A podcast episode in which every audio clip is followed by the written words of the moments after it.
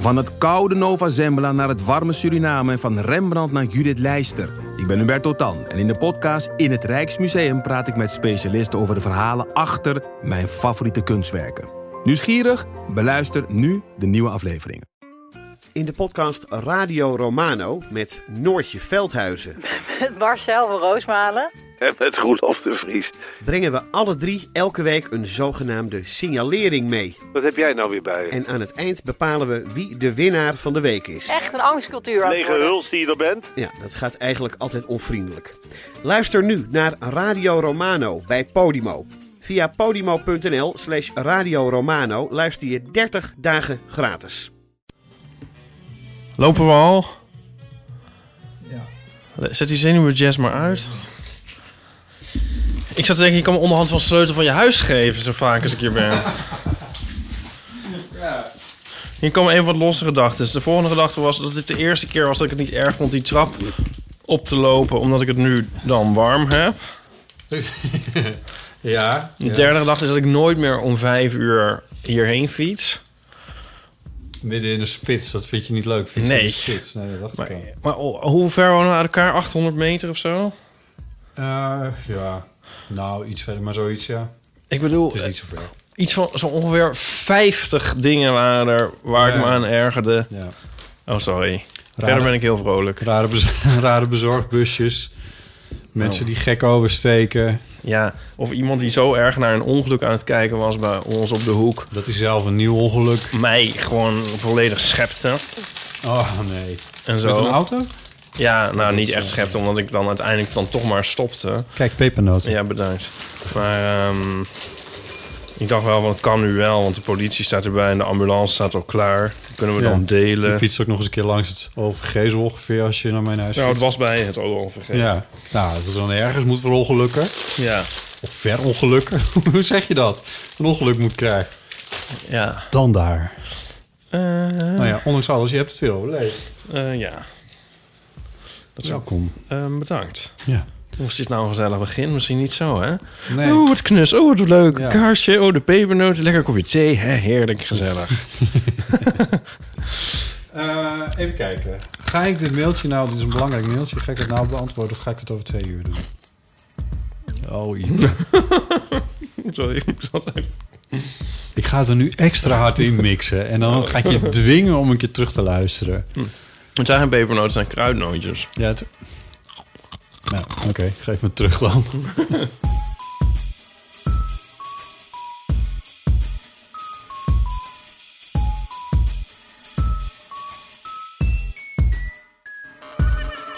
Welkom bij Deel van de Amateur, aflevering 115. Vandaag met Ipe Driessen Hardo. en met mij, ik ben Botte Jellema. Oh. Eh, zal ik het nou gewoon eens even een keertje wel doen zoals het eh, altijd in het draaiboek staat? Wil je meeschrijven aan deze... Dat? Ja, doe maar. Wil je meeschrijven aan de website van Deel van de Amateur, dan kan dat. Dan kun je een bijdrage leveren aan het archief.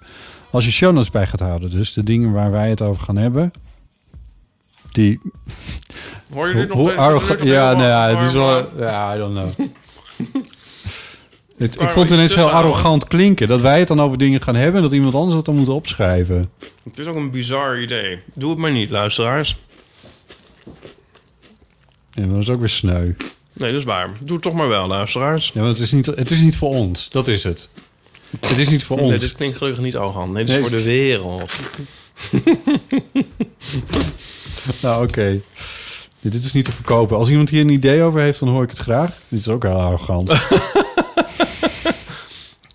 Jij, jij... Ja. Luister, de situatie is de volgende. Dit is aflevering 115. Wat ga je nou... en, Want je eh, er heel lang, heel pompeus bij stilstaan vind ik ook arrogant. nee, dat ga ik niet doen. Oh, het ging iets anders. ga je vertellen dat wij heel veel leuke berichtjes Oh. hebben binnengekregen. Oh, leuk. Nou, waar, die Nee, leuk. Dat vind ik hartstikke leuk. Nee, dat vind ik hartstikke leuk. Jezus, Die kruidnootjes zijn echt extreem lekker. Waar hebben die vandaan? Bij een Albert Heijn. Oh. Eh, van Delft eh, heet die bakkerij die dat maakt. Een ja, soort Walt Disney Day. ze niet te betalen, dat spul. Is dat zo? Ja, maar het is, het is Maar- wel heel lekker. Wat is, wat is niet te betalen? Ja, weet ik veel. Voor zo'n zakje betaal je dan 3 euro of zo. Terwijl als je gewoon van een bolletje of god knows what... dan ben je voor een 1,20 euro klaar. Ik weet het niet precies, maar het is echt wel, echt wel vrij duur. Maar Je ja, zoals maar je zegt, maar. ze zijn wel echt heel erg lekker. Ken je dat van dat je dan je boodschappen doet en dan moet je een keer eh, op je bonnetje gaan kijken en dan raden hoeveel alles kost. Ja, maar. Dus de meeste mensen hebben dan geen idee. Tenminste, de mensen Nee? die Oh. geld genoeg hebben, die Ja, hebben dan dus geen idee. Ik weet het over het algemeen wel Onder wie ook ik. Ik weet het echt niet. Want het kost een brood. Ik zou het echt niet weten. Ja, bij het, bij het, bij het Vlaams broodhuis kost het 5 miljoen. Dat weet ik wel. Oh ja. Maar, maar hoeveel een brood kost bij de Albert Heijn, dat weet ik dus niet. Ongeveer een euro. Hangt een beetje vanaf wat je, wat je koopt. 1,15 euro voor die, eh, voor die tijger eh, dingen, volgens mij. Of 1,20 of zo. En dan heb je van die hele dure broden die snel naar een 2 euro lopen. Van die echte vloerbroden, dat soort eh, shit. Is het zo? Ja, in die categorie 2 zit het allemaal voor een heel brood. En voor een heel brood dan betaal je meer voor. Ik heb altijd halve, sorry. Ja, nee, je hebt gelijk. Ik heb altijd halve. Eh, Interessant. nou ja, nee dus. Maar dit, is wel, dit was een dingetje, hè, politiek gezien. Een paar jaar geleden, toen eh, was het zo van... ja, die politici die weten niet meer wat alles kost in de winkel. Wat kost een brood? En dat was dan zo in zo'n politieke discussie. Ja. Werd het dan eh, in, eh, zeg maar in die debatten werd het opgeworpen... van wat, wat kost een brood dan? ja. En dat dan- dan de, de opponent daar niet, niet meteen paraat had... terwijl niemand het paraat heeft natuurlijk. Oh ja. En dat was dan meteen een... eh, ja. Ja. Wat? Waarom hebben we dit? Oh ja, die dure, die dure pepernoten van mij. Eh, ja, maar goed. Wat ik had bedacht dus... Ja. Daar was deze aanleiding eigenlijk... We gaan voor- gewoon gelijk naar een berichtje. Ja, maar eh, we gaan het eerst even hebben over eh Paulien... en haar boek Tafel de Leuk... en haar, We need, we need to talk about Paulien. en haar nominatie voor de NS Publieksprijs. Ja. Weet je wat, ik zal vanaf nu alleen nog kruidnootjes eten als er een beller is, zodat je me dan kan muten. Ja, ja, dat is goed. Een wat? Een banner? Beller? Een beller, ja. Eh, Zoals nu? ja, ja, ja. Eh, dus without further ado... Lieve vrienden, vinden jullie het ook altijd zo fijn als Paulien bij Botten en Ipe aanschuift? Ik in ieder geval wel. Ze kan zo heerlijk relativeren en ze heeft van die onderkoelde humor. Om mijn moverende redenen wil ik een lans voor haar breken als schrijfster. Pauliens laatste boek, Taal voor de Leuk, is genomineerd voor de NS Publieksprijs. Het zijn korte verhalen met grappige tekeningen van haar hand. Er gaat iets geruststellends, ja zelfs opbeurend vanuit. Ja. Dit ondervond ik toen ik begin van dit jaar in het ziekenhuis lag voor een spannende ingreep. Zo las ik, er zijn ook mensen die de leuk zonder ironie gebruiken. Opgeruimde, vrolijke mensen die zich niet schuldig voelen over geluk. Dit soort mensen voegt wel meer bijvoeglijke naamwoorden in de lidwoord toe. We zijn voor de kerst met z'n allen naar een huisje gegaan. Gewoon voor de gezellig. En net iets anders. Ik heb lekker thuis liggen cocoonen. Voor de relax, voor de leuk, de gezellig, de chill, de fijn, de warm, de culinair, de efficiënt. Het kan allemaal. Lieve fans van de Eeuw van Amateur, ga allemaal stemmen op Paulien- Paulien Cornelissen. Alle genomineerde boeken zijn goed, maar Taal voor de Leuk is de beste.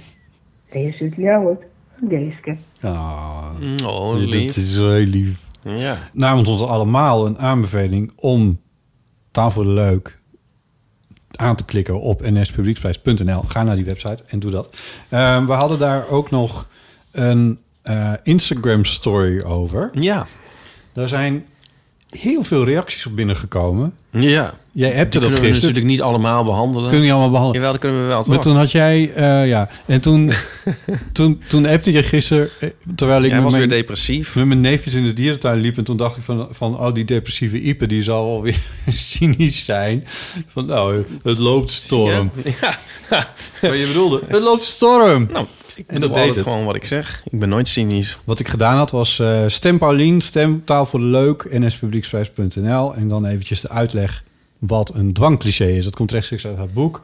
Namelijk eh, een eh, cliché dat, dat je, eh, waarvan je weet dat het een cliché is, maar wat je echt wel uit moet spreken. Want het kan niet anders. En dan noemt zij als voorbeeld een schaal asperges op tafel. Daar moet dan iemand bij zeggen, het witte goud. Ja. Nou, zo staat dat in het boek. En dan heb ik, de, op Instagram kun je dan zo'n blokje maken met, met een vraag en typ dan iets, staat daaronder. Had ik geschreven, mijn dwangcliché is puntje, puntje, puntje. Nou, wat een geniale actie. Toen kwam daar eh, als reactie op, Eh, mijn dwangcliché is... Als je jezelf niet kietelt, doet niemand het. Dat heb ik nooit gehoord. Nee? Oh ja, ik wel. ja, dat is een variant op... eh, het leven is een feestje, maar je moet wel zelf de slingers ophangen. Ja, ja. vreselijk. Mijn dwangcliché is... Het is niet anders. Mhm. Mijn dwangcliché is... Je moet toch ergens aan doodgaan. Ja. Mijn dwangcliché is... De Pet Shop Boy. Oh ja, wie zegt dat? Ja, dat gaan we er natuurlijk niet bij vertellen. Hoezo niet? Ja, waar wel. Is ja. het anoniem? Ja, dat, Ah, ja. ja, laten we het anoniem doen. Mensen moeten eigenlijk ook zeggen welke om, in welke omstandigheden. Of blijkt dat vanzelf? Doe je, heb je er nog meer? Mijn dwangcliché is... Tot volgend jaar zeggen, zo in de aanloop naar de jaarwisseling... Ik heb het weten te onderdrukken vorig jaar, maar hij glipt er toch een paar keer uit. Ja, Tot volgend ik en dan op- het, ja. dat, dat het dan morgen is. Mijn dwangcliché is appeltje eitje. Vreselijk, ik hou Ja. niet eens van appels en eitjes. Dat vind ik een soort herkenbaar. Dat je dat dan zo dom zegt. Ja. ja. Je zegt- denkt, waarom, waarom zeg ik dit? Dat is het eigenlijk. ja. Ja. Mijn dwangcliché is dat in onbevangen bevlekt zeg ik... Wacht even hoor. Dat in onbevangen bevlekt zeg ik in plaats van on... Ik kan Zal ik het voorlezen. doen? Dat in onbevangen bevlekt. Ja, nu moet je het wel voor de microfoon doen, anders heeft het nog geen Ah, dat zin. komt omdat ze ook gewoon geen zin heeft gemaakt. Ja, en die Dat ik bedoel dat ze onbevangen, onbevangen bevlekt zeg... in plaats van onbevlekt ontvangen. Ja, Zelfs als ik het ik, goed wil ik zeggen. vrees, ik vrees dat ik het... dat Weet je, ik snap je waar meer over goed- gaat? Ja, waar het, dat ik denk dat ik het nu niet meer goed kan zeggen. Dat ik ook ga onbevangen bevlekt ga zeggen. Mijn dwangcliché is de Zaanse grootgrutter. Voor elke journalist die over Albert Heijn schrijft. Ja, dat is wel een beetje waar. Maar het is niet zijn dwangcliché. Dat, geeft die anderen de schuld van een dwangcliché. Ja, maar dat mag ook. De volgende begreep ik niet helemaal.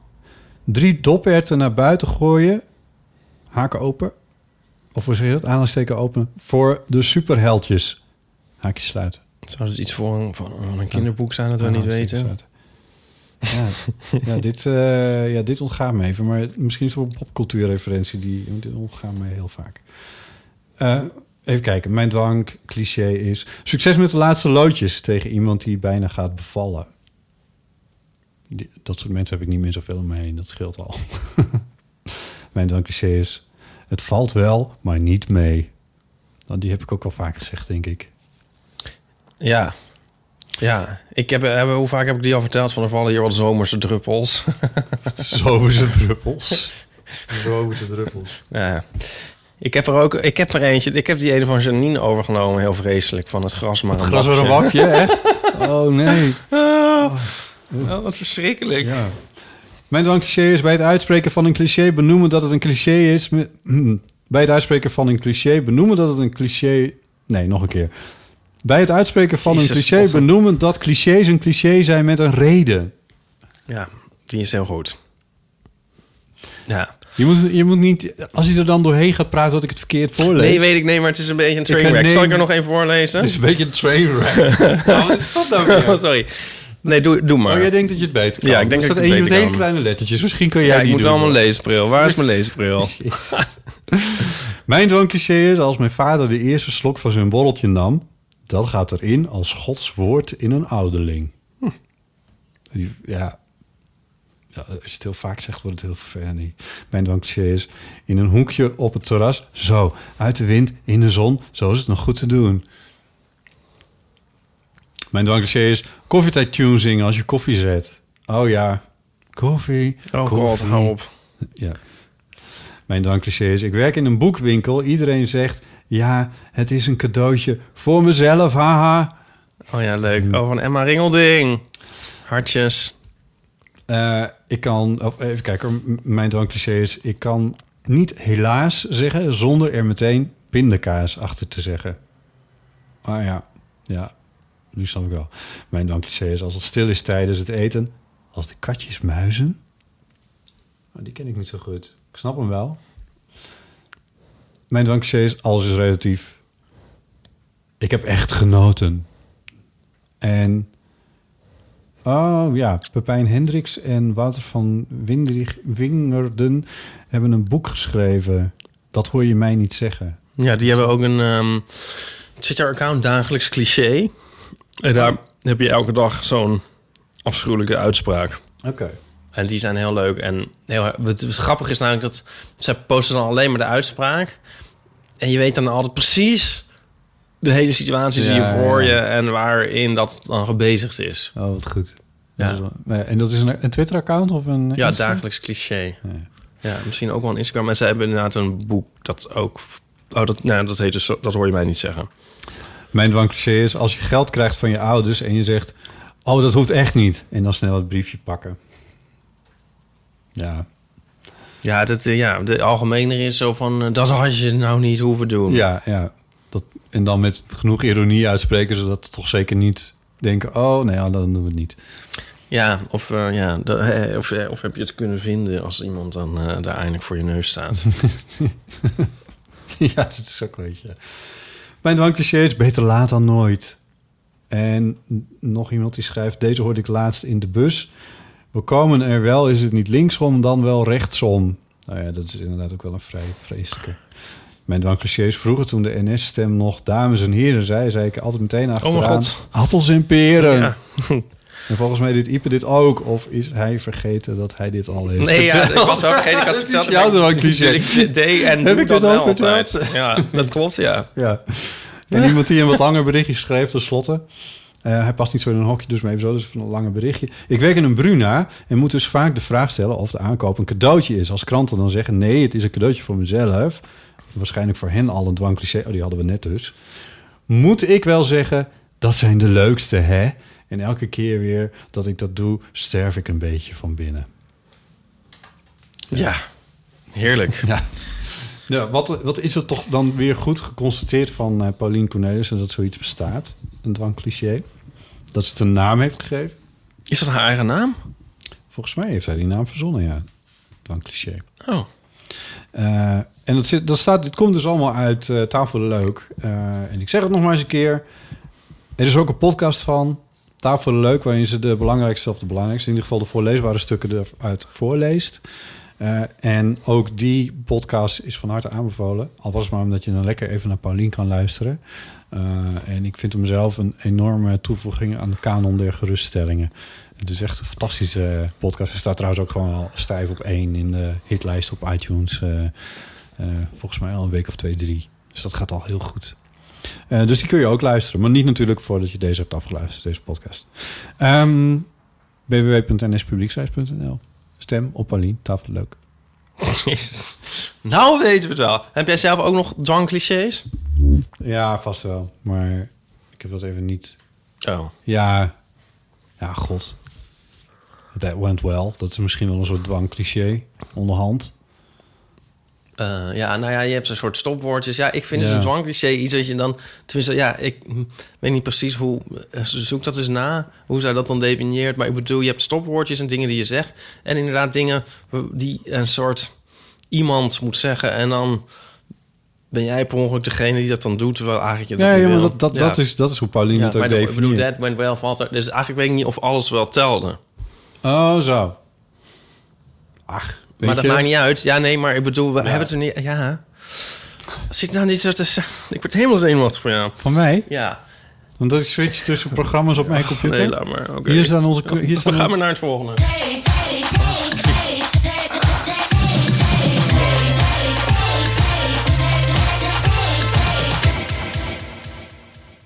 Oh, nee.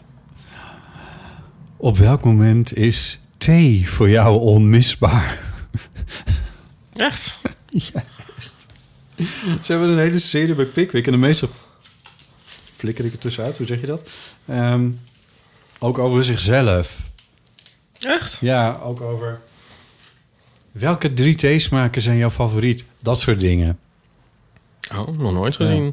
Maar ik kan me niet voorstellen dat er ook maar een moment is geweest in jouw leven... dat thee onmisbaar is geweest.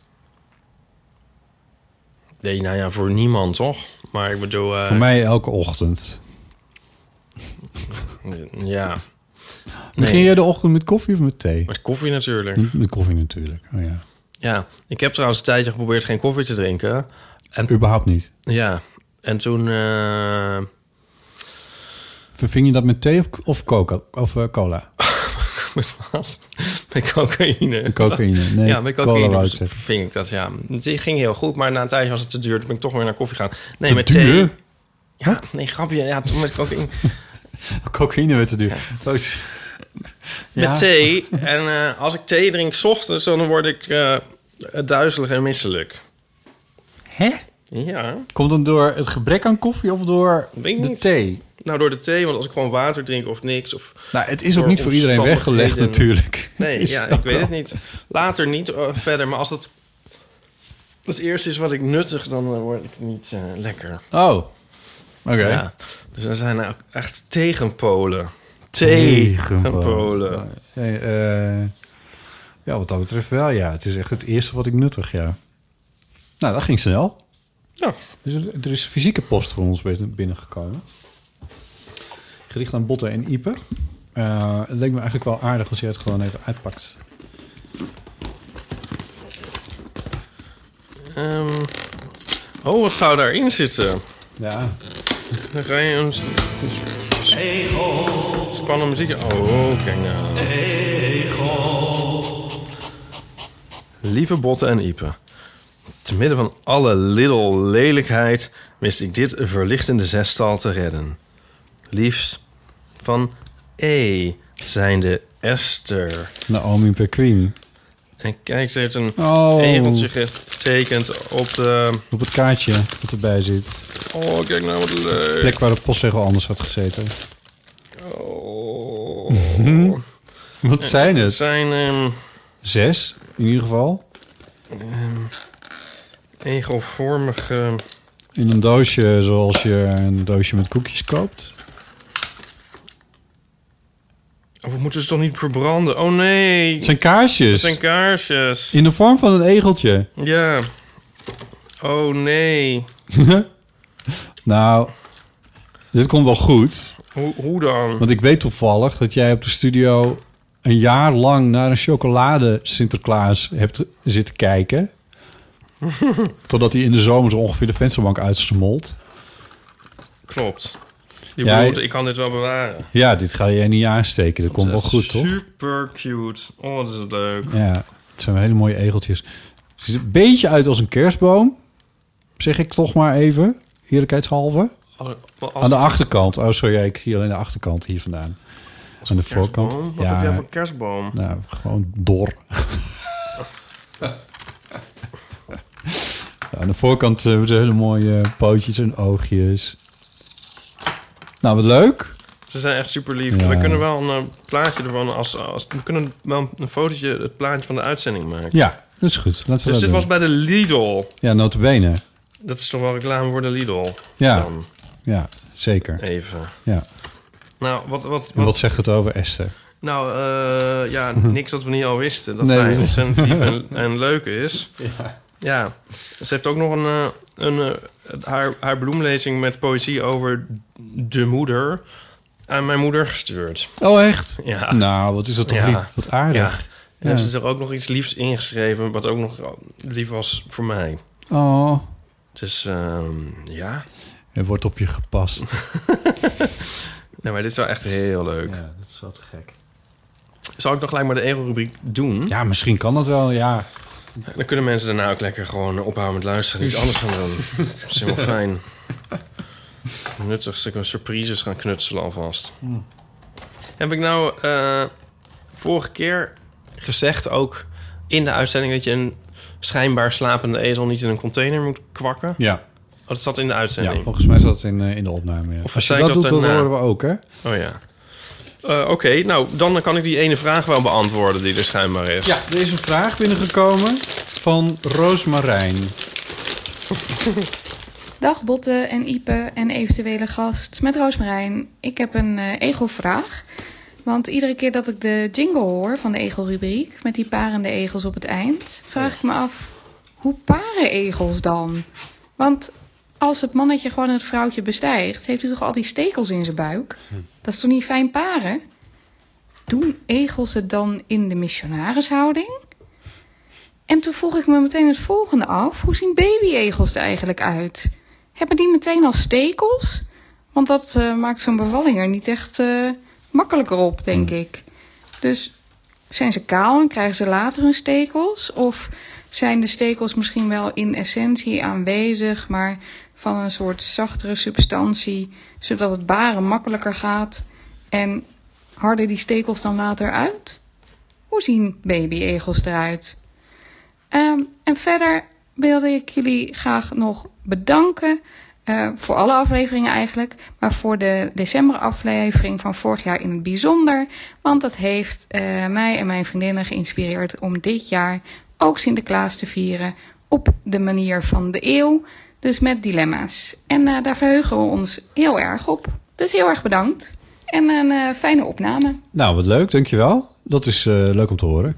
Ehm, Dat Iep- zouden meer mensen moeten dat doen. zouden meer mensen moeten doen. Iep heeft inmiddels het grote Egel-ambassadeurs handboek erbij gepakt. Ja, dat egeltjeshandboek heb ik al eens eerder over verteld van Sally Coulthard. C-O-U-L-T-H-A-R-D. Wat is in een name? Nou, ja, het is een leuk boek. En ehm, die schrijft hier uitgebreid over dit onderwerp. Ehm, ten eerste dat het, het, het, zeg maar het seks slash liefdesleven van de egel niet echt heel romantisch is. Oh, Nee. Dus ehm, egeltjes die gaan op zoek naar hun... dat is bij veel dieren niet het geval natuurlijk. Nee, dat is... Ja, nee, behalve bij de Victoria Crowned Pigeon. Eh, dat is een van die, eh, van die eh, Het zijn van die grote... paradijsvogels, Ah, toch? Ja, zo, Ja. ja. en met zo'n leuke kroon op hun hoofd. Zo'n die soort...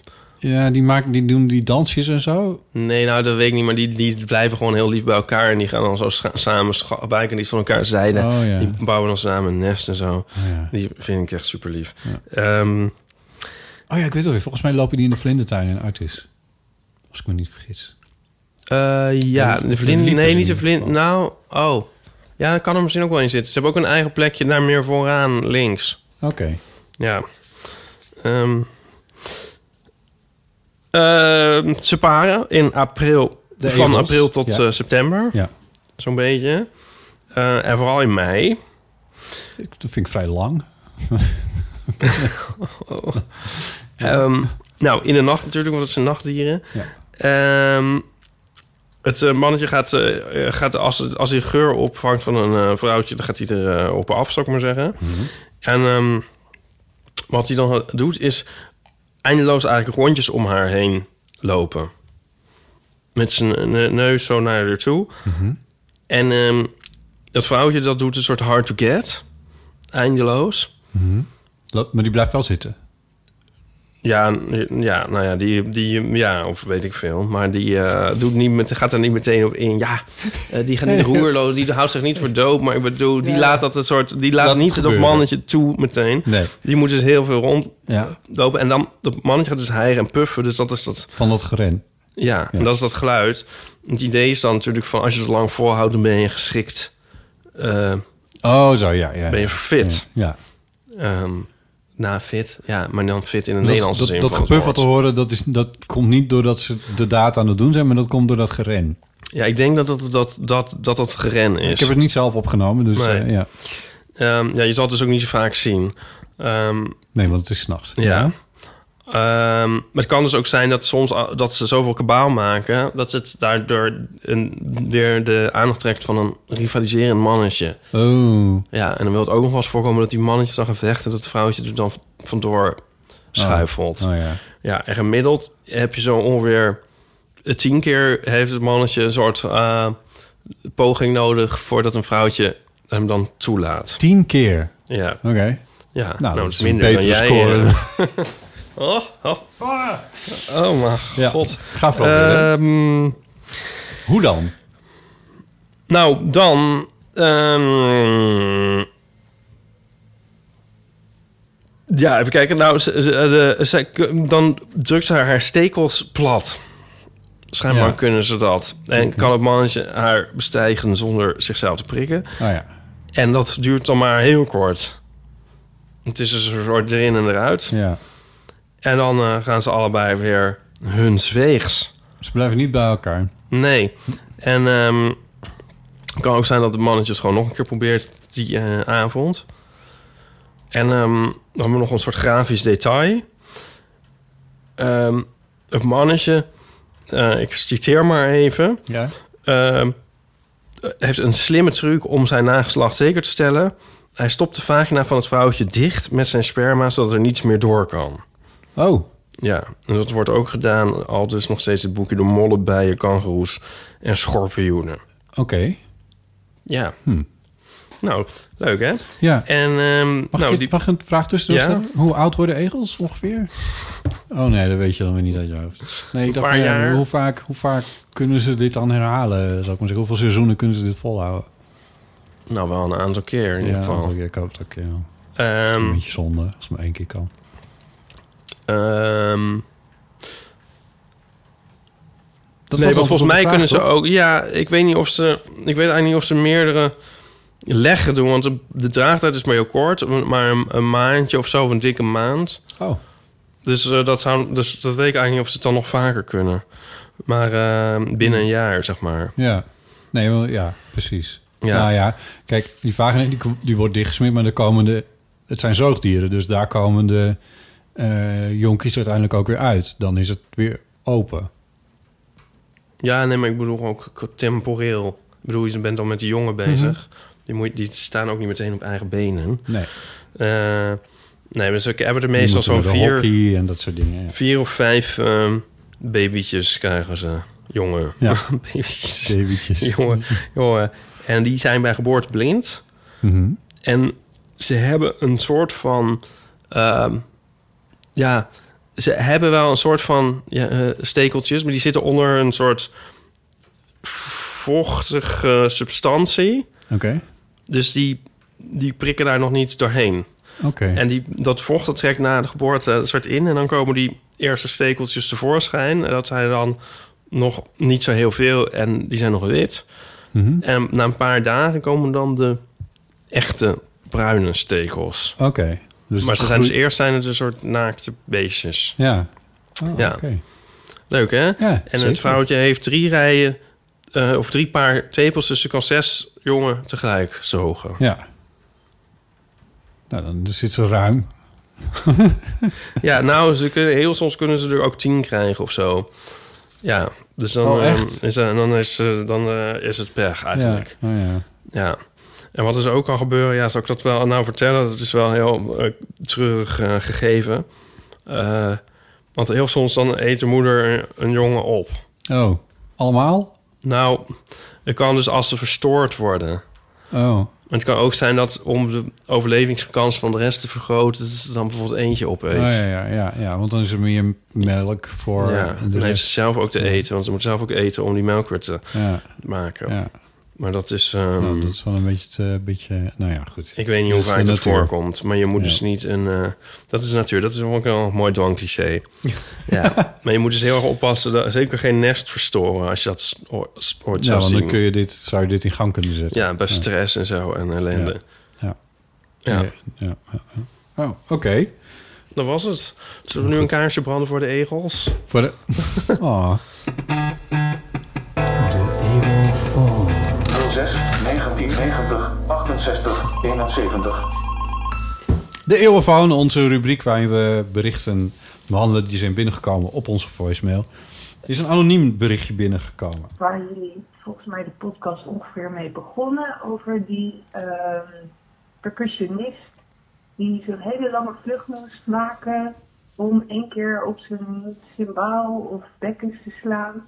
Ja, Concertgebouw, Mm, orkest was Dat dat. is wel een herkenbaar verhaal voor mij. Ik heb ooit zelf bij een fanfarekorps gespeeld als percussionist. En eh, dan komt het wel eens voor dat je een half muziekstuk of 20 of 30 maten moet tellen of goed moet eh, letten op de dirigent wanneer hij aangeeft dat jij moet inzetten. Dat de spanning zo hoog oploopt dan ineens niet meer durft of aan jezelf twijfelt. Dus ik vond een erg herkenbaar verhaal. En eh, ik vroeg me af, hebben jullie wel zo'n situatie meegemaakt dan? Ja, eh, een paar afleveringen geleden hadden we het over... Of tenminste begon Pauline over die ene percussionist... die helemaal meegevlogen was voor één... In, tijdens een concert dat, ze- dat hij één slag moest doen, één paukenslag. En oh, was dat dan hier? Oh, toch? Nee, oh, wel. Nou, oké. En dan was het te laat en toen... Of dat nou helemaal in Japan was, maar zoiets was het echt ver weg. Ja. En dat hij alleen daarvan was meegekomen eigenlijk, ja. Heb jij ooit je cue gemist, eh Ipe? Nou, Q gemist. Eh, ik heb wel een keer... Ja, ik schreef altijd songtekst voor een bandje. En, ehm, maar ik trad er nooit mee op. Maar toen één keer ging ik... Dan bij één liedje zou ik dan een keyboard solootje spelen. En ehm, dat gingen we toen doen op een ehm, bandjesavond van mijn studie. En toen stond het... Toen ging het podium op en toen stond het keyboard... De rest werd gespeeld door een, de toetsenisten die we hadden. Mhm. Maar toen had ze het ding uitgezet. En toen eh zette ik het dus aan. En toen keek ik en dacht ik, ja... Zou het nu wel helemaal goed ingesteld zijn? Zou het... ehm, het geluid goed zijn, zeg maar. Hè? Ja. Want wat was het laatste wat zij eigenlijk speelde? Ik Ja, moest een ja. piano geluid hebben. Misschien. Oh, ja. Dus ik dacht van, nou, ik zal eens heel voorzichtig op het juiste moment... eh, gewoon eens even een C of zo spelen. Want die kwam wel in dit nummer. Ja. En... eh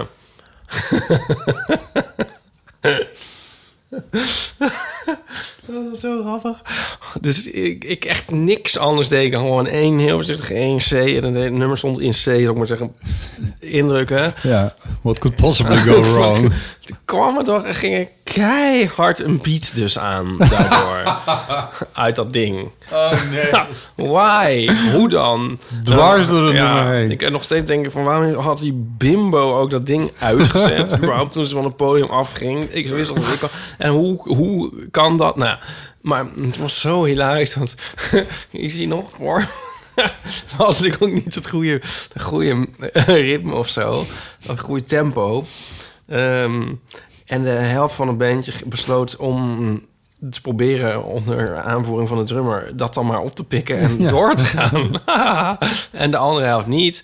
En toen de eerste helft merkte dat de andere helft niet doorging, toen hielden zij er een soort mee op. Maar net op het moment dat de andere helft een soort dacht van, oh, dat zullen wij ook maar. Ja. En zo. En, was- en ik heb toch wel rekening met Q gemist daardoor, want toen heb ik dus ook niet meer mijn solootje gespeeld, want dat punt is nooit meer bereikt bij Nee. dat nummer. Nee. Oh. Nee. Ja, einde. oh, ik kan er ook nog wel een beetje benauwd van krijgen. Ja. Ja. Maar ja, met, met muziek kan het, eh, kan het zo lekker misgaan wat dat betreft. Dat is eigenlijk wel leuk. Ik heb een, een- Bij mij is het eigenlijk net een beetje omgekeerd. Ik heb heel veel cues gemist in mijn muzikale leven, kan ik je vertellen. Niet Dus, alleen in je muzikale leven. Dat zijn, eh, oh, dat zijn, eh, dat zijn er eigenlijk, eh, ja, die, dat vergeet je dan ook onderhand wel een klein beetje. Maar goed. Ehm, nee, oh, we speelden met de band ook een nummer. ah, ik weet niet eens welk nummer dat nou was, maar ik kon dat intro er maar niet in krijgen. Ik weet niet wat er met dat ding was, maar ik, ik, ik speelde het nooit goed. Echt, het was al, en dat wist de band onderhand ook, dus die anticipeerde daar ook al op. Zo van, nou ja, we beginnen wel gewoon. We zien wel wat, wat, die, wat die Jellema doet. Dat, dat merken we dan vanzelf wel. Dus dat was allemaal kut. Maar ik heb één keer, dat was heel bijzonder. Toen ehm, heb ik samen met eh, de Conrad Korselic Big Band in eh, het Bimhuis gestaan. Eh, en toen hebben we een soort, doc of een soort, we hebben een documentaire van mij vertaald naar een muziekvertelling. Nou, dat was heel leuk en dat was in Radiodoc. En dat was de eerste keer dat Vincent Bijlo ook meedeed. Die presenteerde toen nog Radiodoc. En hij, eh, dus we hadden wel Radio 1 tune, speelde de band en zo, weet je wel. Dus dat was allemaal een beetje in de radio gesteld, eh, dat hele verhaal toen. Dus het leek ons wel leuk om dan af te sluiten met de tune van Met het oog op morgen. Om die tune dan te spelen. Dat was een mooi liedje. Dus een Duits liedje. Is Duits, tenminste half Duits. En, ehm, eh, en ik speelde dat dan op akoestische gitaar. Ik weet niet meer wie dat besloten had. Maar, eh, want ik ben natuurlijk helemaal niet voor in het Bimhuis of zo, als muzikant. Maar eh, het, het, het was, ik vond het heel leuk om te doen. En er zit akoestische gitaar in dat, in dat liedje. En dat, we speelden dat zo en zo. En, en terwijl we bezig waren, raakte ik de draad kwijt waar we nou waren in het nummer.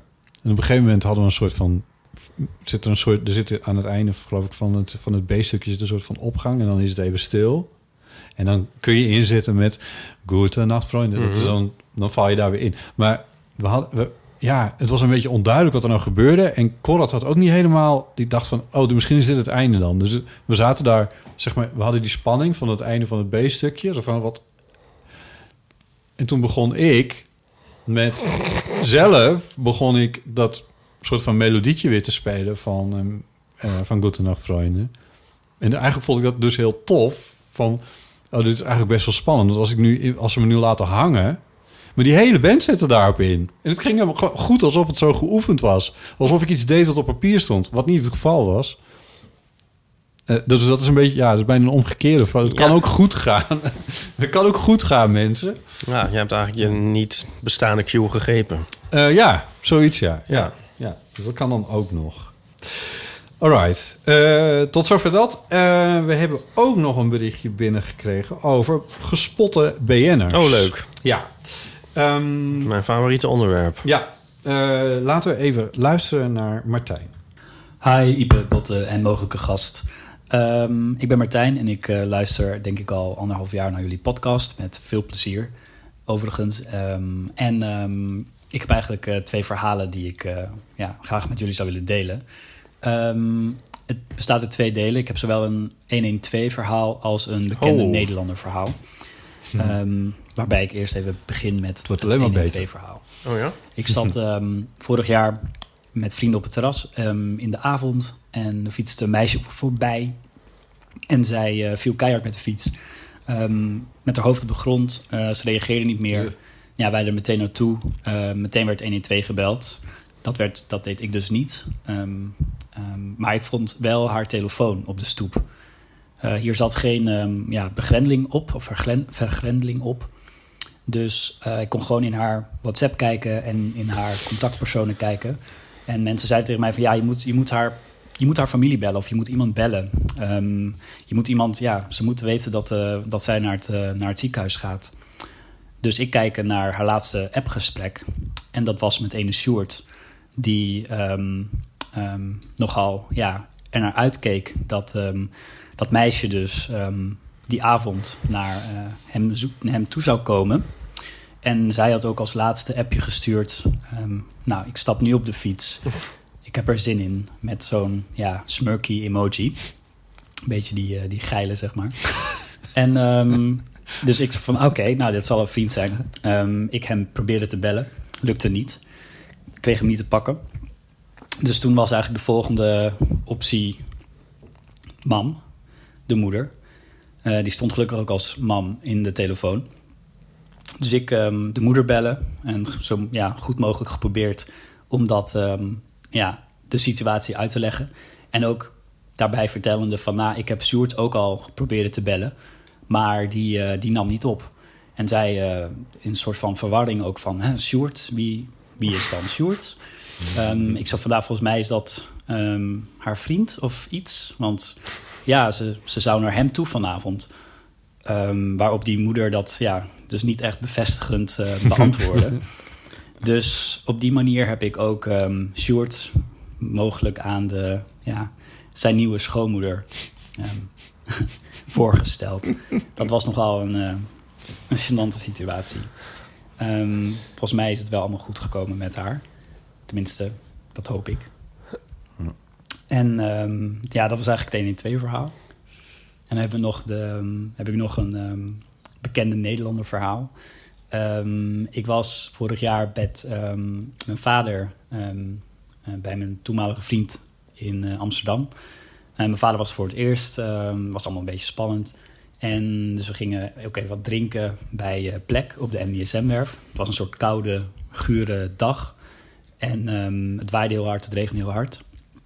En we zaten daar en we, kwamen, we zagen zo vanaf het ei een eh, soort van speedboot op, vol tempo aankomen varen. Ehm, met één persoon erop en iemand die die ja, boot bestuurde. En die persoon die was helemaal ja, ingepakt in een soort waterdicht pak. Zag er vrij spectaculair uit. Ehm, en die werd dus afgezet ehm, bij plek. En zij bleek, ja, bleek later een zij, eh, kwam naar binnen en stapte zo de ruimte in, nog helemaal ingepakt. En deed haar ja, regen, waterkleding uit.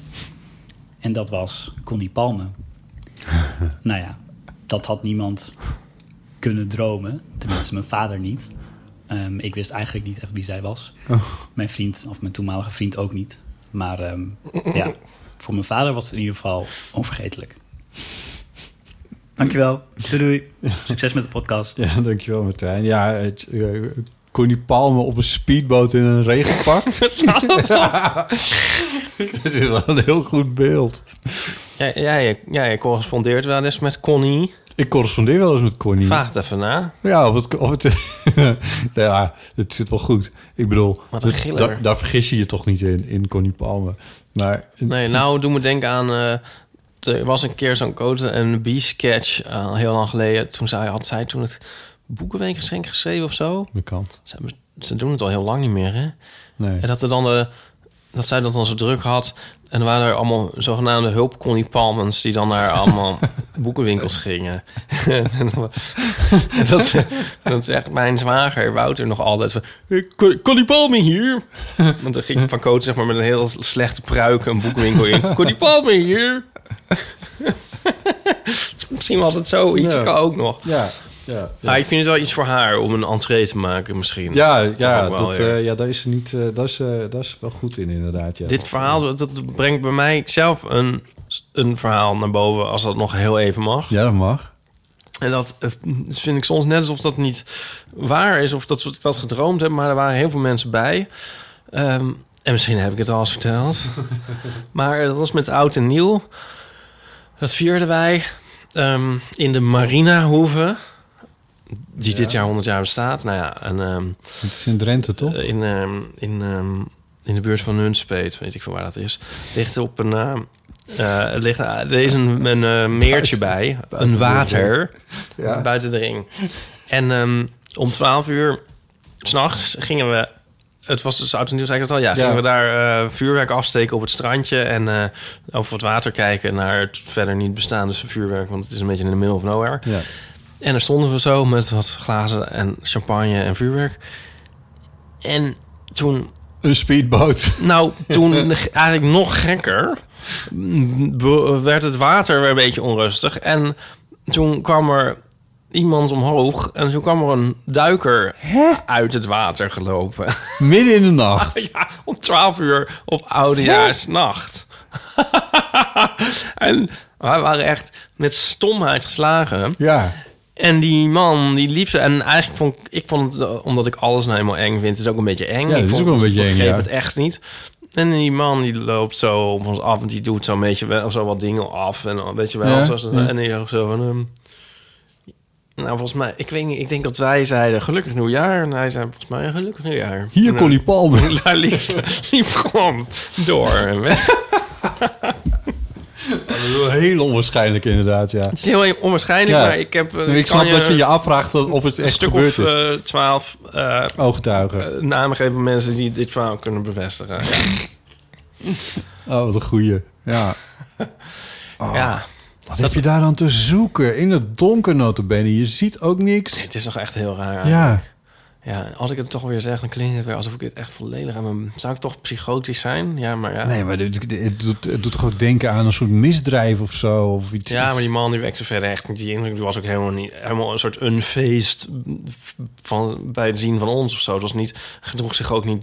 Nee. Ja, maar hoezo? Wat voor misdrijf ook Ja, eigenlijk? weet ik veel. Ik, Ja. ja. Ja. Hij was gewoon... eh, want er zijn allemaal vakantiehuisjes daar. ja.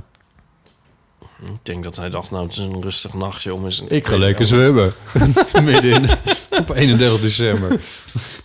Oh, hij kwam echt zo het water uit. Misschien had hij dat omhoog en uitgelopen als een soort James Bond. Ik vond Ja. het heel erg een James Bond. Misschien was het een, eh, had hij een weddenschapje. Weet je, waar, weet je waar ik het nieuwe jaar in ga? Op de bodem van een meer bij Nunspeet. Ja, dat zou zoiets... Ja, dat, ja, zoiets kan het ook zijn, ja. Ja, toch? Ja, misschien ja. Bewijs het maar.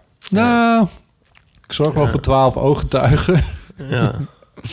Oké, goed. Volgende BN'er-verhaal is eh, van Freek. Hey, beste Ipe, Botte en gast. Freek hier. Ik heb dit jaar bij Pauline Cornelis in het vliegtuig gezeten van Helsinki naar Amsterdam. Ik eh, durfde haar als vaste eeuwluisteraar niet aan te spreken, maar het gaf wel een vertrouwd gevoel om Pauline tegen te komen.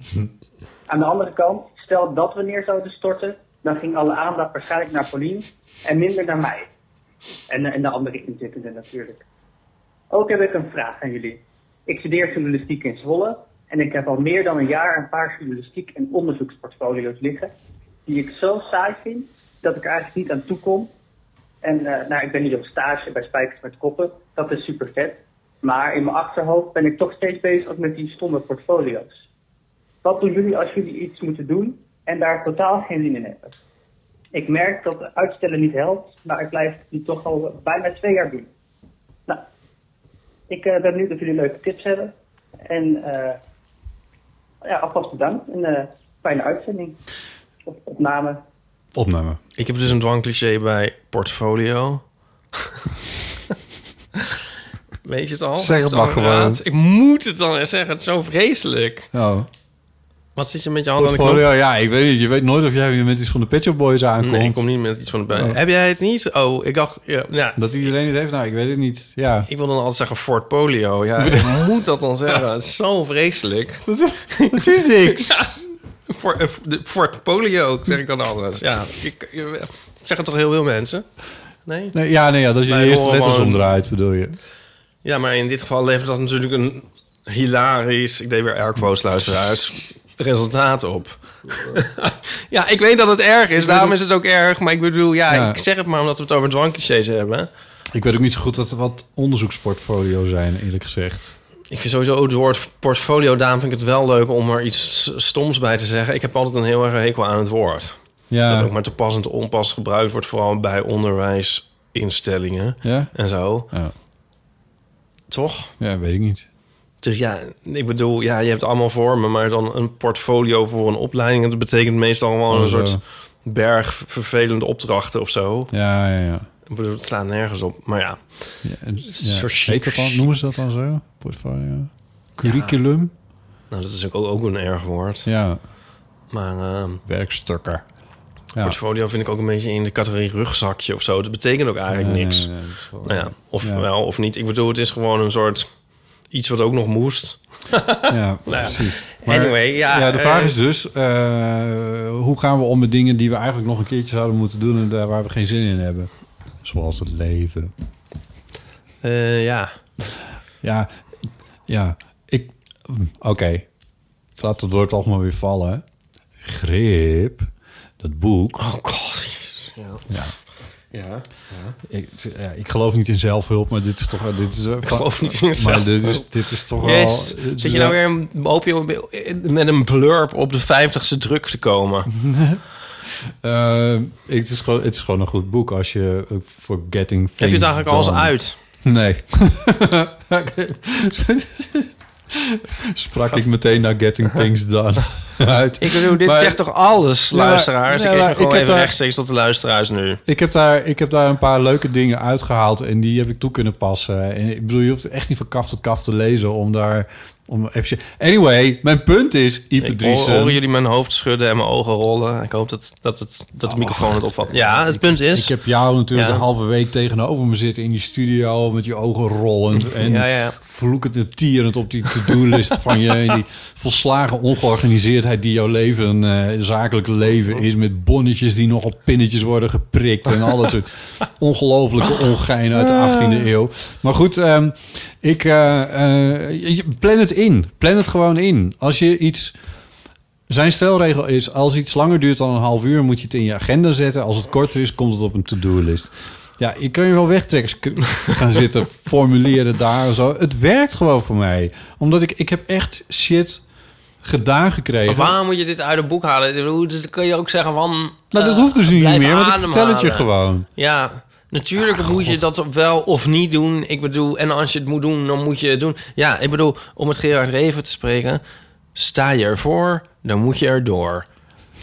Ja, dus ik bedoel, ga het gewoon een keer kan doen, alleen maar hele vieze dingen denken als het, als het is opgezet. Oh, Soms heeft hij ook gewoon een soort... eh, een zetje eh, nodig. Nee, ik bedoel, Gerard Reven geeft soms ook gewoon... eh, Levenslessen. eh, levenslessen over hoe je dingen aan moet pakken. Ja, hij had er zelf veel boek Ja. moeten schrijven. Maar ehm, Dat is de avonden toch echt niet geworden. Maar ik, nee, ik ben ja. eh, zelf best wel goed in dingen doen eigenlijk, Ja. vind ik zelf. Ik krijg toch ook, moi, ik krijg toch ook wel het idee dat dat, dat hele onderzoeksportfolio, whatever that may be, van Freek, dat dat niet heel belangrijk is. Als het dat niet is, gooi het dan weg. Als het voor je studie moet, plan het dan in. Ja, dat is weer de andere stelregel. Je komt alleen maar met stelregels.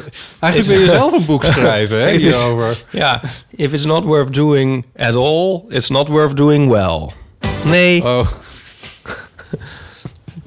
Laat nou even tot je doordringen hoe grappig deze uitspraak is. Of heb ik het al vaker Ja, gezegd? maar ja, dan denk ik al van als het, als het, als het Ik bedoel, niet dan- waard is om het überhaupt te doen, doe het dan niet. Gooi het dan gewoon, flikker het weg. Whatever, weet je Nee, wel. maar ik bedoel, het moet dan gedaan worden. Dus dan moet je het gewoon even doen. Ja, Ja, nou ja. als het moet dan, ja. Ja. Sta je ervoor, dan moet je, dan moet je erdoor. Ja. ja, maar eh, oh ja, ik heb wel eens met een van de van met Jan Kooijman, heet hij zo, in het vliegtuig gezeten van de drie J's. Oké. Dat is dan gast. Ja, dit is popcultuur, dit ontgaat mij volledig. Ehm, ja, toen dacht ik hetzelfde, ja. Van dan zal je zien dat we nou, dat we nou weer neerstorten. Nou, denk ik sowieso. Maar als er dan met iemand anders in zit, dan... Dan eh, zal de aandacht wel weer uitgaan naar...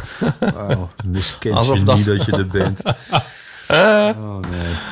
Oh, Ja. oh. Ehm, Oké. BNR-verhalen, die vinden we leuk. Ja, die vinden we leuk. Ehm, ja, die vinden we leuk. Eh, die vinden we zelfs zo leuk dat we er nog eentje gaan luisteren. Oh, echt? Eh, ja. Dus, Oh, wat heerlijk. Dus, er, is eerst, er komt eerst ook nog een andere vraag tussendoor. Nada. Hi Botte en Ipe, met Narda. Ik heb een vraag aan jullie over creativiteit en perfectionisme. Ik schrijf namelijk wel graag verhalen en de laatste jaren heb ik steeds meer dat ik heel erg kritisch op mezelf ben. Dus als ik dan ga schrijven, dan denk ik direct, nee, wat, dit is eigenlijk veel te veel cliché of wat een lelijke zin of ja, het is gewoon niet goed. En dan, dat houdt me tegen. Dan, dan kom ik niet meer in die creatieve flow die ik, waarvan ik weet dat ik hem wel kan hebben. Hebben jullie dat ook wel eens? Eh, want jullie hebben allebei creatieve beroepen natuurlijk. Hoe ga je daarmee om? Heb, doen jullie iets om in die flow te komen? Ik ben heel benieuwd. En een tijd geleden hadden we iets over beroemdheden, die wel eens tegenkomt. Eh, ik schaats altijd op de Jaap Edebaan en daar was eh, laatst Jan Smit ook aan het schaatsen. Maar nog veel belangrijker, laatst liep ik over de brug vlakbij Carré. En daar zag ik Pauline Cornelis. Ja, hoor. Maar ik durfde hem niet aan te spreken om te zeggen hoe leuk ik het vind. Hey, veel succes met de podcast en eh, misschien tot de volgende keer. Het is nou onbedoeld bent- een soort Pauline Cornelissen spotting Ja, podcast geworden. Ja, ja, inderdaad. Ja. Ja. waar is Paulien Cornelissen? Oké, we willen wel BNR-verhalen, maar niet over Pauline. Die loopt toch de hele dag maar een beetje door de stad te paraderen... Ja, in de hoop ja. dat iemand haar weer spot. Ja. Ehm, wat was de eerste vraag ook alweer? Oh, in de flow en komen. per- per- perfectionisme. eh, bij creatieve beroepen om in een flow te komen. Om op ideeën te komen. Op Dus, ideeën, zei, ja. zei ze dat? Nou, nee, maar ja, dat vertaal ik. pff, vertaal ik? Nee. Maar ik zit te denken, als jij ideeën verzint voor eh, fotostrips, hoe zorg je dat je dat, hoe maak je dat voor jezelf, dat je op ideeën komt? Nou, ik weet wel dat het soms niet gaat. Ehm, wat grappig is met ideeën vind ik... Nou, vroeg, vroeger tekende ik veel. En dan soms tekende ik heel lekker. En dan ging het zo vanzelf. En soms ging het helemaal niet. Mhm. Maar ik wist ook wel dat als, als je dan doorging een dag of zo met dat niet lekkere tekenen, dan kwam er meestal daar kwamen er dan dagen na, achteraan waarin het wel lekker ging. Ja. En dat is met heel veel dingen. En dat had ik ook met piano spelen of zo. En ehm, dan, is het, dan moet je toch een beetje dat even warm draaien of zo. Soms moet je dan een mislukte dag accepteren. Maar bij mij helpt het dan wel om dan wel die dag dus door te gaan. En niet iets anders te gaan doen. Ja.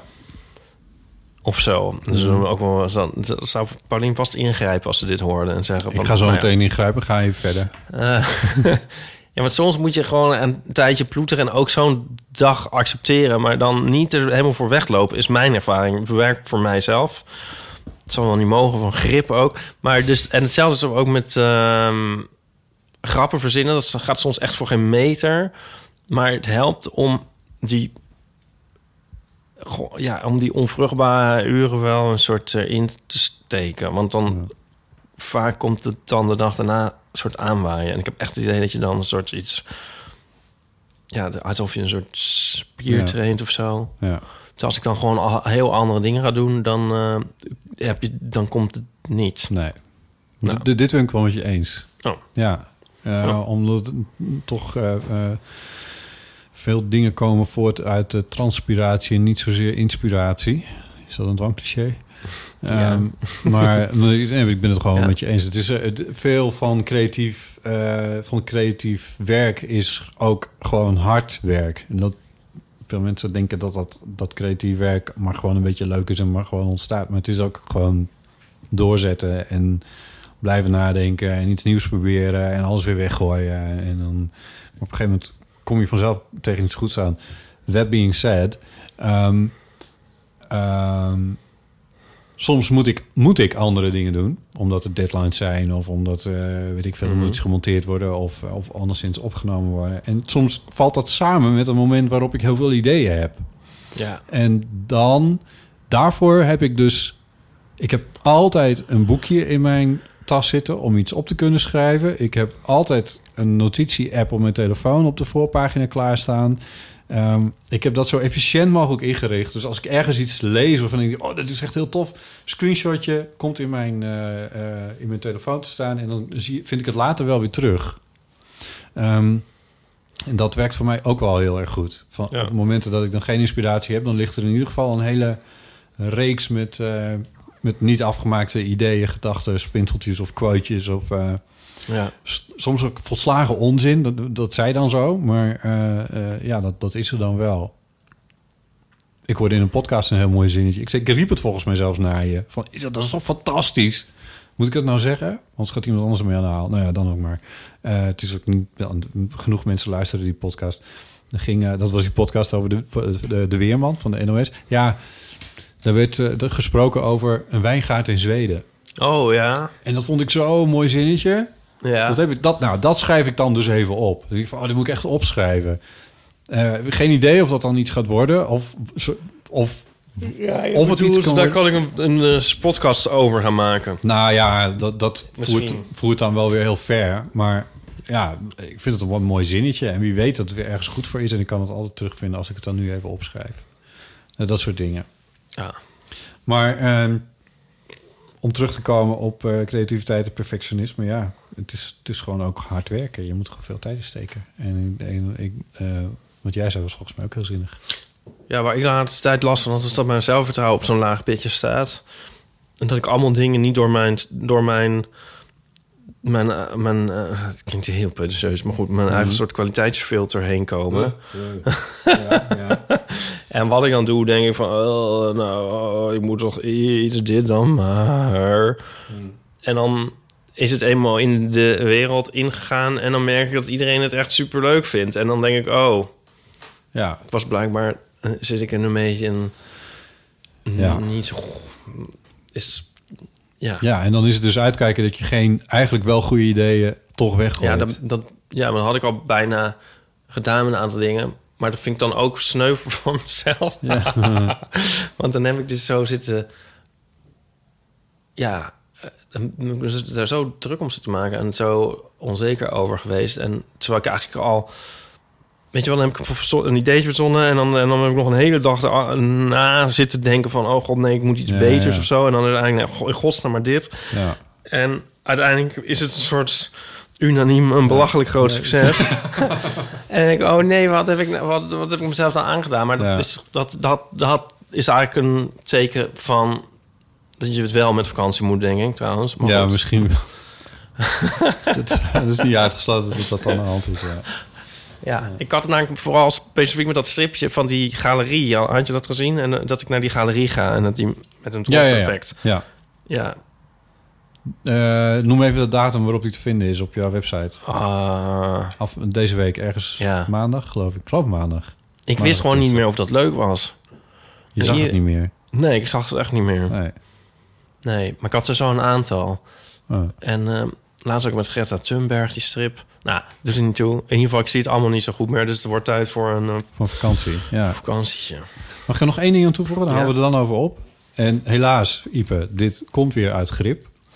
Maar eh, Rick Pastoor, die het heeft geschreven, die zegt in het boek... eh, weet van jezelf op welk moment van de dag je het, het productiefst bent. Ehm, en ik heb dat een beetje vertaald naar weet op welk moment van de dag je het creatiefst bent. Eh, dus ik weet wanneer ik de, de, het op wa- wanneer welk moment van de dag ik het beste dingen kan verzinnen. Ja. Eh, en eh, kan bedenken of beredeneren of erover na kan denken. En dat is bij mij ergens tussen 10 en 12 uur s ochtends. dan wil ik dus ook geen gezeik aan mijn hoofd. Dus ik plan weinig dingen in op, op dat tijdstip. Dan zit ik gewoon lekker rustig een beetje te typen en te lezen en te doen en dingetjes te schrijven. En dan bedenk ik de, de leukste dingen. Bij andere mensen kan het een heel ander tijdstip zijn. En dat schrijft hij dus op van... Weet, constateer dat bij jezelf eens een keer. Van, van welk moment van de dag dat is. Eh, en, en doe er je voordeel mee. Ja. Plan misschien juist wel een vergadering op dat moment... als je denkt dat je dat op dat moment... dat je dan daar iets aan toe kan.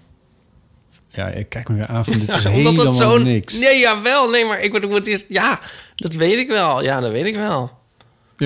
Maar moet ik het dan niet uitspreken? Ik bedoel, dit is Nee, toch jawel, maar ik bedoel, ik Ja, vind het zo raar dat hij... eh, ja, ik wil even- niet het negatief zijn over dat boek. Dat hij van die evidente dingen zegt. Ja.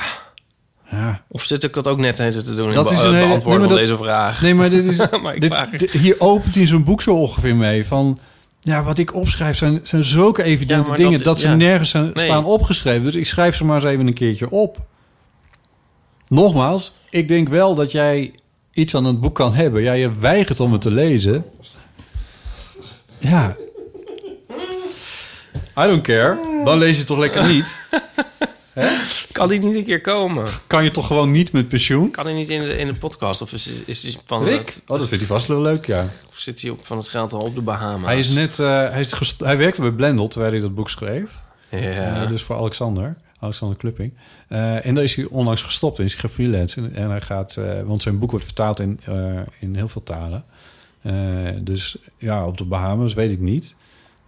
Maar hij is gaan freelancen. Ik bedoel dit als van, nou ja, misschien dat hij er dan nu wel tijd voor zou hebben of zo. I don't know. Ja, zou je het leuk vinden of niet? Nou, ik denk dat jij dat wel leuk zou vinden. Ik zou het wel grappig vinden, ja. Het lijkt me een hele leuke vent. Ja? Ik ken hem. Ik weet echt helemaal niks van. Ik Nee. weet alleen maar dat hij een boek heeft geschreven met allerlei... Ik bedoel het in alle openheid. Hè? Ik bedoelde dit nu eens even niet eh, in subtekst, in een soort gaye subtekst of zo. Een non-taken. Nee, nee oké. Nou ja, Nou. maar goed, dan, eh, ga, dan, dan ben- ver- ver- zul je zien dat mijn kritische houding dan natuurlijk helemaal als sneeuw voor de zon verdwijnt. Ja, we kennen je En dat het er allemaal ingaat als Gods woord in een ouderling. Oké, goed. Ehm, laten we nog even luisteren naar een update die is binnengekomen. Want enige tijd geleden heeft eh Sascha ingebeld en die vertelde toen was met de vraag: wat moet ik doen? Ik ben op werkreis geweest eh, met collega's en de directeur van ons bedrijf naar een, wat was het nou? Naar een zonnig eiland ergens. En, eh, en die, die directeur die maakte seksistische opmerkingen. En ze wist niet zo goed Oh, hoe ze ja, daar ja, ja, dat. mee om moest gaan. Oh, wat heerlijk dat daar een update van is. Nou, we hebben toen gevraagd van, hebben mensen daar ideeën voor? Ja. Laten we even luisteren naar Sascha. Hoi allemaal, je spreekt met Sascha. Ehm, ik dacht, ik bel nog eens een keertje terug, want in aflevering 100 eh, ben ik ook een keertje te horen geweest eh, in de Eeuwofoon. Eh, ik vertel toen over mijn reisje met mijn werk naar de zon, eh, waarbij de directeur nogal eh, seksistische opmerkingen maakte. Eh, ik weet ook dat jullie toen de vraag stelde, nou, wie weet eh, hebben een van de luisteraars wel het antwoord. Hè? Ehm, wat moet Sascha nu doen? Daar is geen reactie op gekomen. En wat ik ook heel goed eh, begrijp, want in mijn omgeving wist eigenlijk ook niemand, ja, wat moet het nou? Ehm, nou, ik wil zeggen, het verhaal is op zijn einde gekomen. Ik bleef me niet goed voeden. En ik heb besloten om daar weg te gaan. Dat Hmm. is echt het beste als de sfeer daar zo blijft. Dat is eigenlijk de levensles die ik hier, hier uit heb gehaald. Gebeurt er zoiets op je werk waardoor je je niet goed voelt? Gewoon kijken of er een beter plekje is. Nou, dat was het. Dankjewel. Doei doei. Doei, Sascha, dankjewel voor het terugbellen en voor het inspreken. Volgens mij heb je iets briljants gedaan. Ik, eh, ik vind het echt een heel goed idee. Ja, ga gewoon weg. Ik, weet- ik ken natuurlijk niet alle ins en outs, maar Nee. het lijkt me over het algemeen eh, geen gek idee. Nee. Nee, maar dat ze actie heeft ondernomen, dat vind ik wel echt heel erg goed. Ja. En ik wens je een heel fijne nieuwe werkplek toe, in ieder Ja, geval. ik ook. Ja. Het is Ja. soms lastiger om ergens mee te stoppen dan mee te beginnen. Ja, oh mooi. Het is weer zo'n Ik ben wijsheid wel die komt benieuwd uit wat- mijn aanstaande zelfhulpboek. Wat Pastoor hier was zou vinden. Nee, maar het kan heel lastig zijn om... Je, kijk, je in een baan storten, ja. dat, dat doe je dan in eentje van... nou ja, we zullen Ja. maar zien. Ja. En ergens mee st- stoppen is eigenlijk al vaak veel lastiger en Ja. moeilijker en enger. Ja. En ehm, dat vergt vaak best wel wat Ik ben het helemaal met je eens. Dus dat Ja. is altijd, vind ik altijd wel... Ik ben altijd geneigd te, de- te- dat te denken, dat te zien als moedig. Ja, ja, ja, in zijn algemeenheid. En in dit Terwijl er vaak heel veel goeds van komt als je ergens mee kapt. Ja, ja. Oh, dat is ook zo'n vreselijke uitdrukking, zo'n dwangcliché. Waar één deur dicht gaat, gaat een andere open. ja, maar het is toch wel waar. Eh, het is toch wel waar. Ja, Ja, maar daar zijn er Daar is een clichés, cliché voor, omdat ja. het zulke ware dingen zijn. Het is ook wel een cliché, maar het is ook waar. Ja. Ehm, we hebben nog een heel leuk briefje gekregen. Van eh, briefje van tien? iemand die zich eh, oma uit Rotterdam noemt. Zal ik het voorlezen? Ja. Al vaak heb ik willen reageren, bijvoorbeeld toen jullie je afvroegen in welke leeftijdsgroep jullie luisteraars zitten. Ik ben dus een senior, een oma van 73. en geniet van jullie podcast alsof ik bij mijn kinderen aan de keukentafel zit. Nu reageer ik op jullie aflevering met Paul Hane. Hij vroeg naar schaamte. Het geval wil dat ik in de vakantie schurft heb opgelopen. Echt heel vervelend en langdurig en ook heel wat activiteiten moeten afzeggen. Gewoon pech gehad, niets om je voor te schamen zou je zeggen. Maar toch, als ik nu ergens kom en heel hartelijk hoor... Hé, hey, waar was je? Was je ziek? Hoe gaat het met je? Zeg ik liever wat grieperig dan ik had een schurft. Ik ben benieuwd of Paul Hane hier iets mee kan. En hoe denken jullie hierover? Om te beginnen vind ik het echt een heel leuk briefje. Dank je wel daarvoor. Ehm, en ik begrijp, ik, ik vind dit echt een prima leugentje voor eigen best wel. Volgens mij zou ik precies hetzelfde doen. Dat is toch niet iets wat je... Het klinkt als zo, ik bedoel, ja... Ik weet dat het gebeurt als je op vakantie in, eh, in wat eh, onduidelijke bedden slaapt of zo. Eh, en dan loop je de schurft op en ja, ja, of je moet het gewoon ownen, dat kan ook. Maar dan moet je wel kunnen zeggen van ja, dan moet het wel een stoer verhaal zijn volgens mij. Dan moet het wel iets zijn van ja, we waren eh, in het Riefgebergte en we sliepen bij een, eh, weet ik veel, Airbnb. Wat, eh, Kan dat in ieder studentenhuis, kun je dat oplopen. Hoef je Student- echt niet voor naar het Riftgebergte. Student- Studentenhuis, oh, oké. Ja. Ehm, nou, ik logeerde in een studentenhuis. Ja, maar ja, als je 73 bent. dan, dat is wel apart, ja. Het is Ja. echt een jonge mensenaandoening. In feite is het Ja. een soort SOA. Eh, nou, in niet in feite, maar in de praktijk eigenlijk. En de- ja, zoals griep ook een SOA kan zijn. Ja. Ja. ja. Het voordeel van ehm, wat, wat je in, in dit geval nog zou kunnen zeggen... is dat als je er ehm, voor uitkomt... ligt een beetje aan hoe ook je sociale leven in elkaar zit. Ja. Dan als je, mocht je iemand bijvoorbeeld dat eh, al hebben doorgegeven... Ja. dan hoeft diegene ook niet zo in het duister te tasten. Ja, daar, daar valt wel iets voor te zeggen. Ja. ja. Zo van... eh, volgens mij kan het schurft wel echt een, eh, een eh, bad motherfucker zijn. Dus dat, daar valt wel iets voor te zeggen om even wat mensen te waarschuwen. Ja. Of- Nou, weet ik niet in hoeveel verschillende bedden oma uit Rotterdam van 73 slaapt. Maar dat weet je maar nooit. Nee, maar het hoeft niet namelijk alleen een bed te zijn. Het kan ook, ehm, weet ik veel. Ja? Kan, kan ook, volgens mij kan je ook gewoon je trui hebben uitgeleend of zo. Ik, ik zeg maar Oh, echt? Het is, ik kan, Zo- zoals je het nu zegt, is het een wonder dat, dat, dat we er überhaupt niet allemaal hebben. Nou, vroeger had ook iedereen het. Oh ja. Ehm, denk ik. Toch in de middeleeuwen en zo. Dat eh, zou heel goed kunnen, ja. Ja. Nou, luisteraars, heb jij nou ook schurft gehad? Ehm, laat het even weten op de eeuwfoon. Ja, precies. Naam en toenaam. nee, dat hoeft niet. Maar mocht je nou een mooi verhaal erbij hebben... dan zijn we natuurlijk wel nieuwsgierig. En dan het is mag wel heus- vreemd eigenlijk. Ja, dat stigma is wel vreemd. Want Heus ja, anoniem. niemand kiest ervoor om dat te krijgen. En je hoeft er eigenlijk helemaal niet zo gekke, gekke dingen voor te doen. Nee. Nee. Nee. Eh, einde. Dat zei ik nog ter verzachting. Ja. Overigens is, eh, heeft eh, deze mevrouw ongeveer dezelfde leeftijd als Paul Hane. Of klappen we dan erg uit de school? Ring. Nee, dat is gewoon eh, iets wat ik nog bedacht. Oh. Ik weet dat wel, ja. Leuk was dat, hè, met Paul. Het was echt heel leuk. We hebben leuke reacties erop gekregen. Het was echt heel fijn. Een, eh, een fijne aflevering in, eh, in onze serie. Ehm, ik had er nog één twe- tweetje opge- opgeschreven. Die Ja. mij was opgevallen. Ja, van het regent bijna nooit. Die, ja, die blijft wel volhouden dat het bijna nooit regent op Het is Twitter. een zonderling, ja. Ja. Ja, ik heb het IP-adres bekeken. Nou, het is, is dus iemand die woont in de Sahara. maar goed. Ja, hij heeft een hele website voor opgetuigd. En hij houdt Ja. er nauwgezet bij hoe vaak hij naar zijn werk, of hij of zij, maar naar zijn werk fietst. Eh, en hoe vaak het op die momenten dan regent of niet. Terwijl ik alleen maar zeiknat ben sinds Ik augustus. heb vandaag hier. ook al vier keer nat Dat is geregend. gewoon niet te geloven onderhand. Daar zal het wel niet bij blijven. Nee. Ehm, Oké, ja. Ja, anyway. Nee, dit gaat over de Apple Watch. Oh. Waar we het Oh, over hadden nee, gehad. ja. Ja. nee, maar dit is dus heel grappig. Want Oh, wat kraakt iemand het af? Nee, ja, wacht. Oh. Toen hadden we het erover van... Ik, ik raakte in een soort existentiële crisis... doordat overal van die berichten las van mensen die dan omvallen in hun Ja. huis... Of, of ergens op een weet ik veel wat. En dat zo'n Apple Watch dan een noodnummer belt. Anyway, hier twittert iemand... Ehm ene Liv op Twitter... Een in het nauw gedrukte telefoon in mijn binnenzak heeft gisteren door het gewiebel van een achtbaan een noodoproep plus locatie, Toverland, naar Niels en mijn vader gestuurd. En als kers op de taart de politie gebeld, die 23 seconden lang mijn gegil in diezelfde achtbaan hebben gehoord. Dat is toch fantastisch? Ja, dus kennelijk heeft ze ook zo'n soort alarmding in haar telefoon. Zo'nzelfde mechaniekje als, of weet ik veel, software wat in, eh, wat in eh, die Apple Watch zit. Die dus automatisch een soort noodoproep doet. En kennelijk slaat dat ding helemaal alarm als je in een, eh, slaat helemaal op tilt als je in een achtbaan gaat zitten. En kennelijk belt hij dus ook de politie. Maar als politie schrik je natuurlijk helemaal de vinketering als je zoiets hoort. Nee, dat zijn professionals. Ja, misschien horen, hebben ze het onderhand wel in de gaten. Toverland? Toverland, dat zal wel in België zijn. Oh. Ja, denk ik.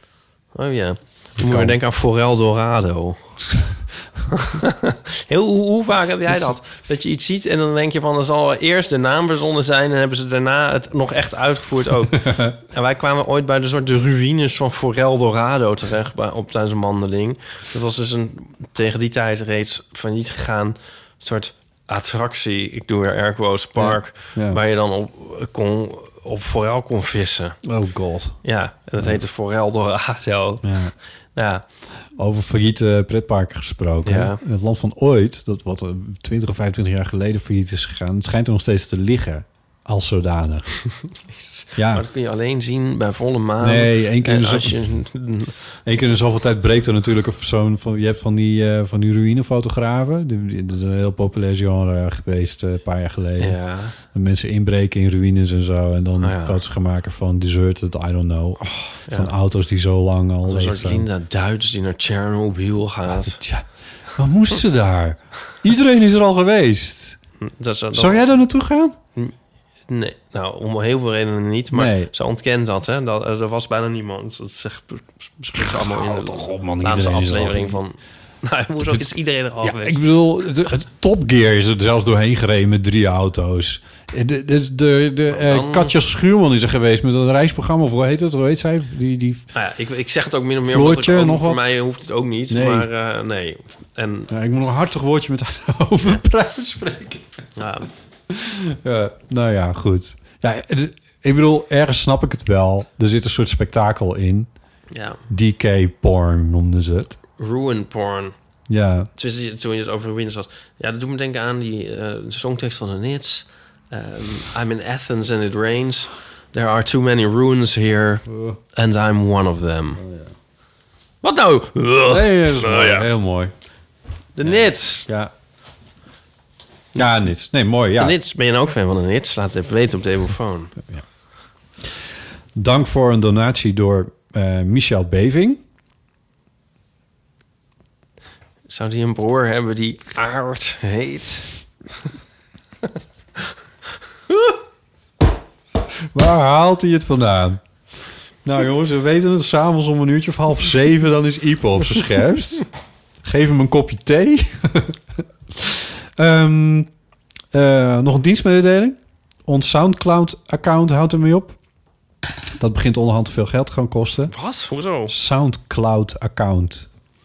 Ja, we zitten op een andere... Oh nee, laat maar. Ik, Ja. Forget I asked. Dit doe je altijd, hè? Hé, hoe zit dit nou? ik wil... Oh, botten, leg het uit. En dan begin ik met drie woorden. Oh nee, laat maar. Nee, oh nee, dit is vreselijk. Zo, jij vertelt het zo, alsof mijn moeder een soort van... Dan zeg ik van... eh, dan zegt ze van... Ja, eh, nou, tante Doe je er Wil... weer naar? En dan zeg ik van... Tante Wil... Ja, eh, dus ehm, in 1700 trokken onze voorvaderen over de, de, de, de Alpen, weet ik veel. Dat ik denk, nee, ja, dat hoeft niet. Gewoon, tan, wie is tante Wil?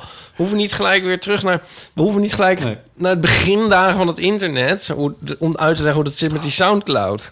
Goed, nee. Nou, die, die stopt. Maak je geen zorgen, behalve als je luistert via Soundcloud. Nou, wie doet dat in godsnaam? Nou, maar betaalden we daarvoor? Ja, 100 euro per jaar. Why? Wat, 90, 80. Ja.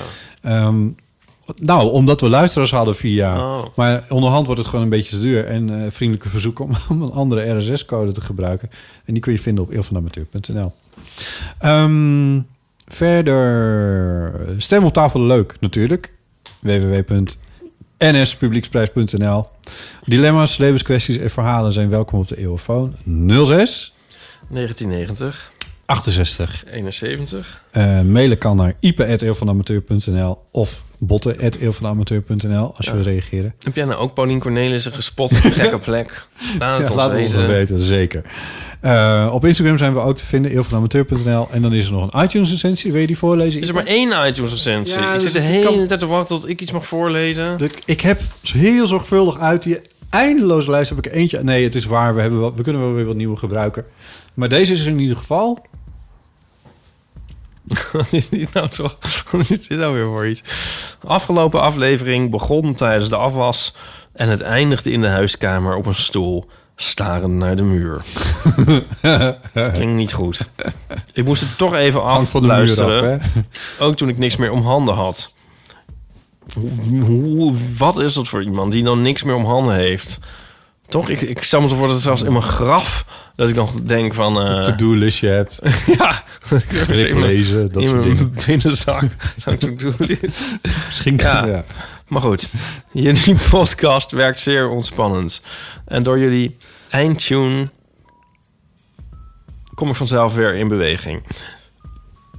Eindtune, ja. Ja, dan is, komt ze uit dat gestaar. Ja, ja, ik, ik, ik, ik las daar eh, even een ander woord in. PS ben ik de enige die tijdens de iTunes eindtune de neiging om eens lekker met de heupen te gaan bewegen niet kan onderdrukken. Ik weet niet, hoe klinkt onze eindtune? Oh, leuk dat je luistert, Ipe. Wat? Jezus. Is dat gewoon Nou, hetzelfde als de begintune? Over een paar seconden start ik hem in, want dan is het Is zover. het niet hetzelfde als de begintune? Ja, het is ongeveer hetzelfde. Ik zou niet weten. Dankjewel, Sophia. Dat was hem.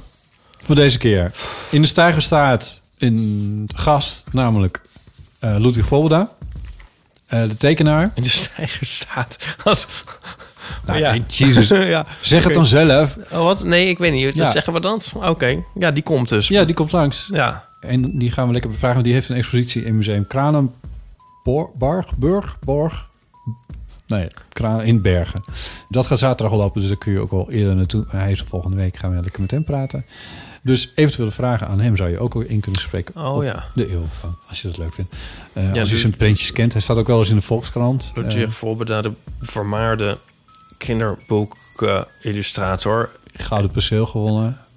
Vorig jaar. Ja. En trouwens ook illustrator van andere dingen. Maar Ja, en algeheel leuk mens. En eeuw eh, luisteraar. Dus dat is allemaal heel leuk. Dus eh, vragen zijn welkom. Goed, dat was het. Ipe, dankjewel. Joe, jij Joe. ook. Tot de volgende. Doei.